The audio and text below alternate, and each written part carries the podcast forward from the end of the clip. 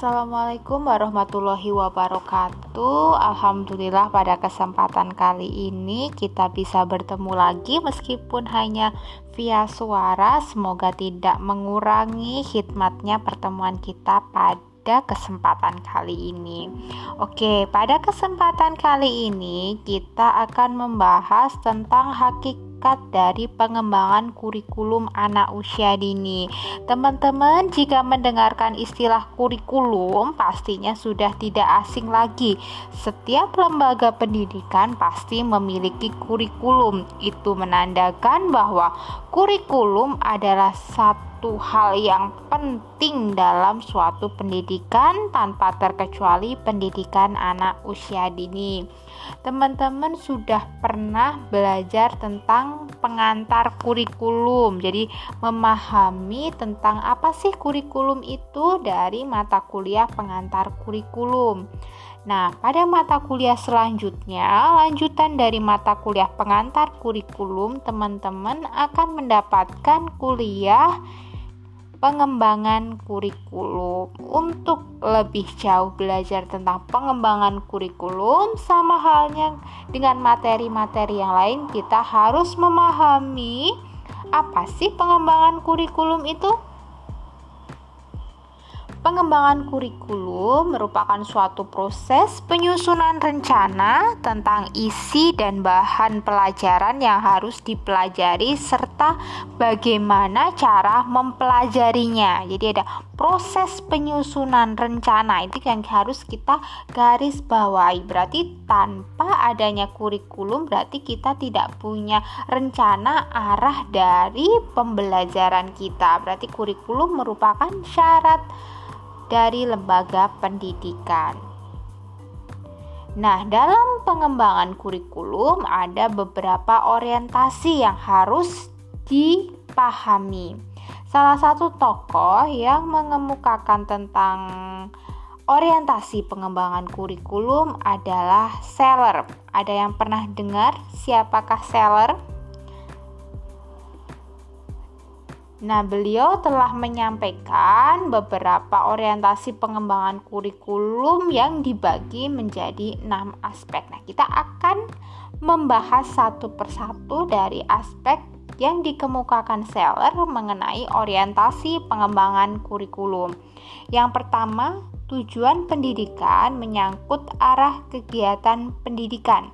Apa maksudnya? Jadi di sini eh, ke mana anak itu itu akan kita didik ke arah mana, akan kita bawa anak didik itu merupakan bagian dari tujuan pendidikan. Jika kita tidak mengetahui arah ke mana siswa kita itu atau anak didik kita itu akan kita bawa, maka berarti kita berjalan tanpa arah. Nah, jadi orientasi pertama menurut saya adalah tujuan pendidikan menyangkut arah kegiatan pendidikan.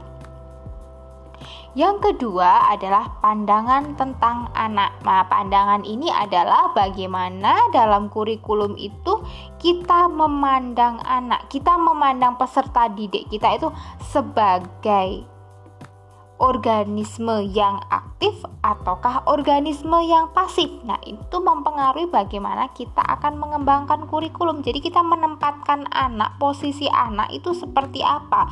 Dalam kacamata kita, dalam pandangan kita, anak itu seperti apa? Nah, itu akan mempengaruhi bagaimana kita mengembangkan kurikulum.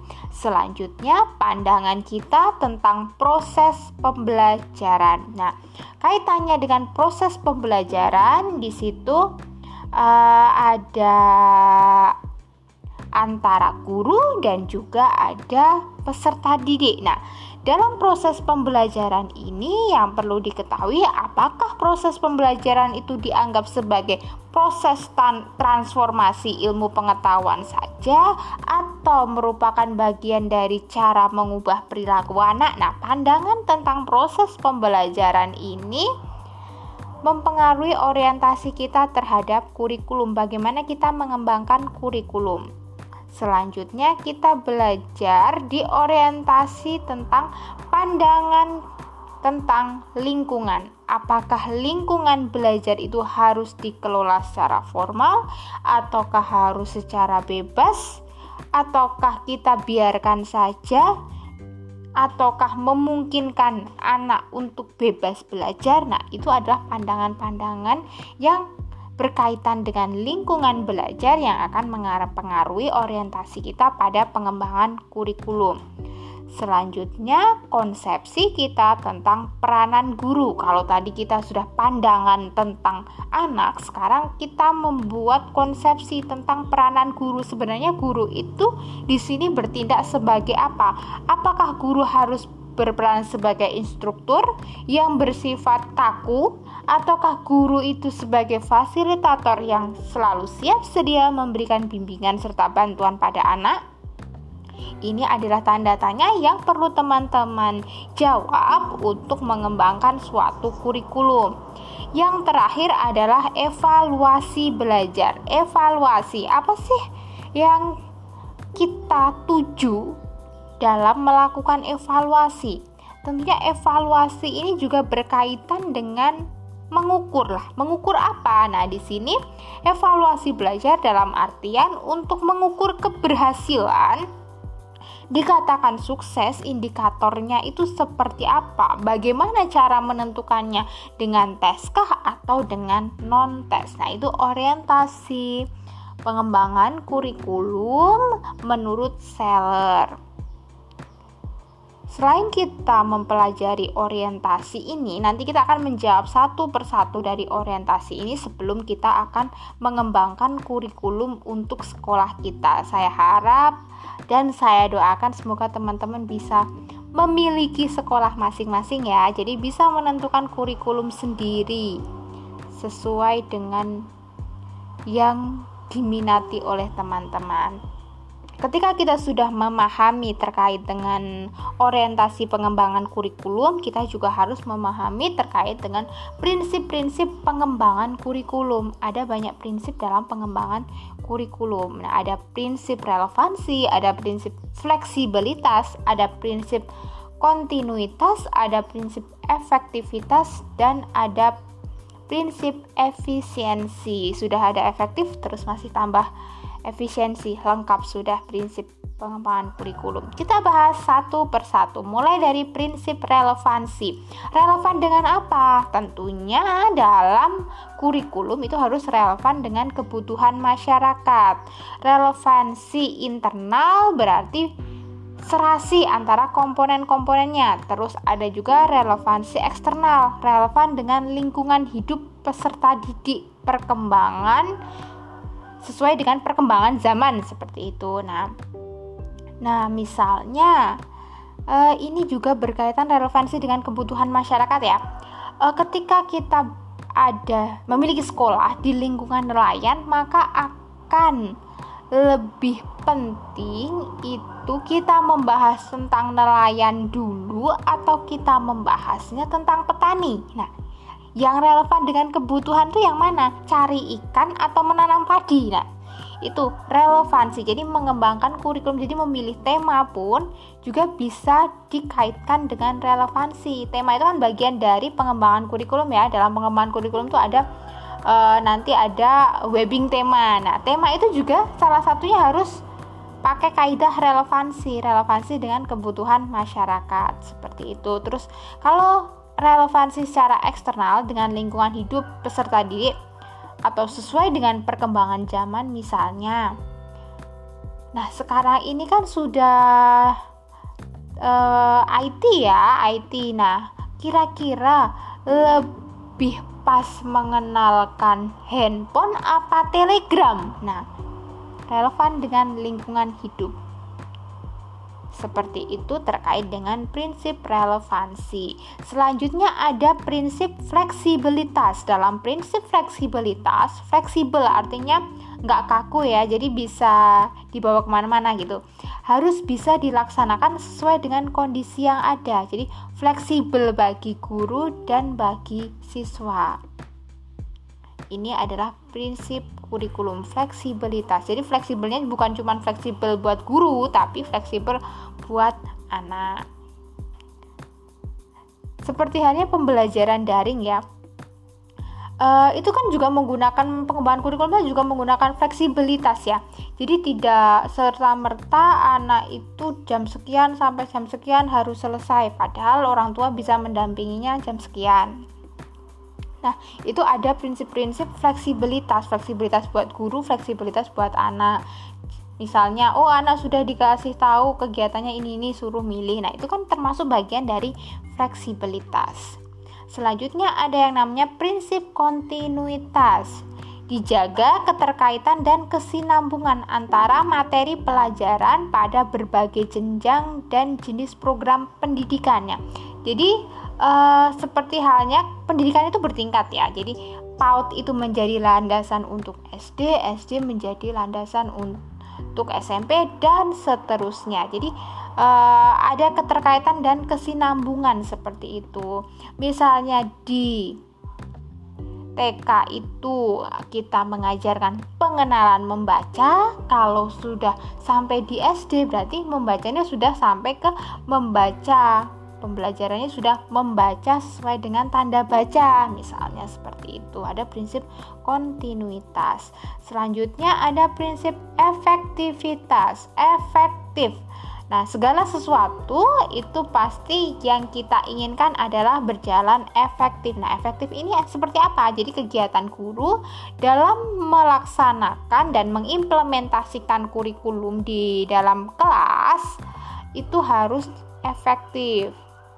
Terus, bagaimana cara anak berkegiatan dalam melaksanakan kegiatan permainan, pembelajaran itu juga harus efektif seperti itu sudah ada efektif, lalu kita akan ke prinsip selanjutnya, yaitu efisiensi.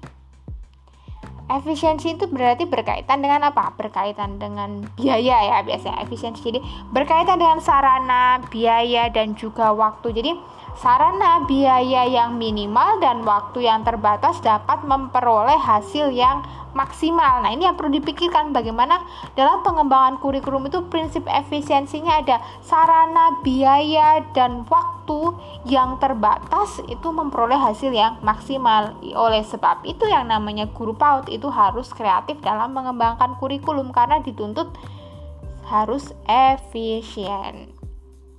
Landasan pengembangan kurikulum itu ada tiga landasan ya teman-teman. Ada landasan filosofis, landasan psikologis, dan landasan sosiologis teknologis. Untuk landasan filosofis, filosofi ya, filsafat. Jadi ini landasan yang berkaitan dengan filsafat dan tujuan pendidikan serta filsafat sebagai proses berpikir. Untuk selanjutnya ada landasan sosiologis di mana kekuatan sosial yang dapat mempengaruhi kurikulum, serta kemajuan ilmu pengetahuan dan teknologi sebagai bahan pertimbangan dalam menyusun kurikulum. Sebenarnya ini juga berkaitan dengan misalnya dalam kaitan kemajuan iptek ini semakin terlihat dengan adanya pandemi ya, bukan berarti uh, ingin pandemi ini tetap ada, bukan seperti itu ya, tapi ini membawa dampak di kemajuan iptek. Coba dulu sebelum ada pandemi apakah teman-teman familiar dengan Zoom? Tidak, saya rasa tidak ya.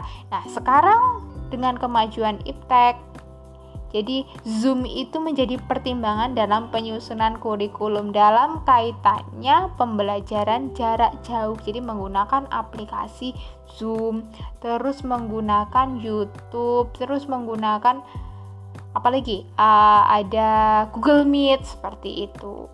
Setelah landasan sosiologis, kita ke landasan psikologis pedagogis. Nah, ini berkaitan dengan psikologi perkembangan anak dan psikologi belajar.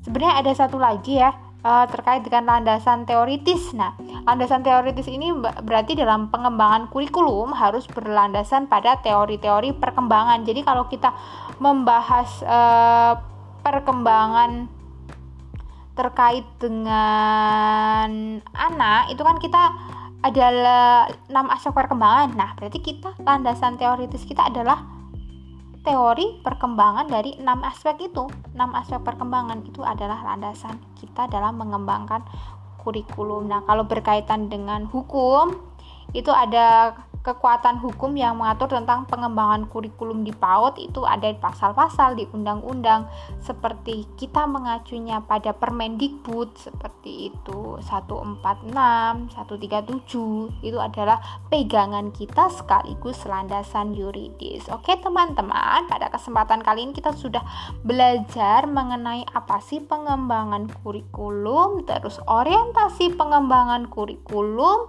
prinsip pengembangan kurikulum kurikulum dan landasan dalam pengembangan kurikulum. Sekian pada kesempatan kali ini. Besok kita akan berjumpa dengan membahas komponen pengembangan kurikulum. Wassalamualaikum warahmatullahi wabarakatuh. See you.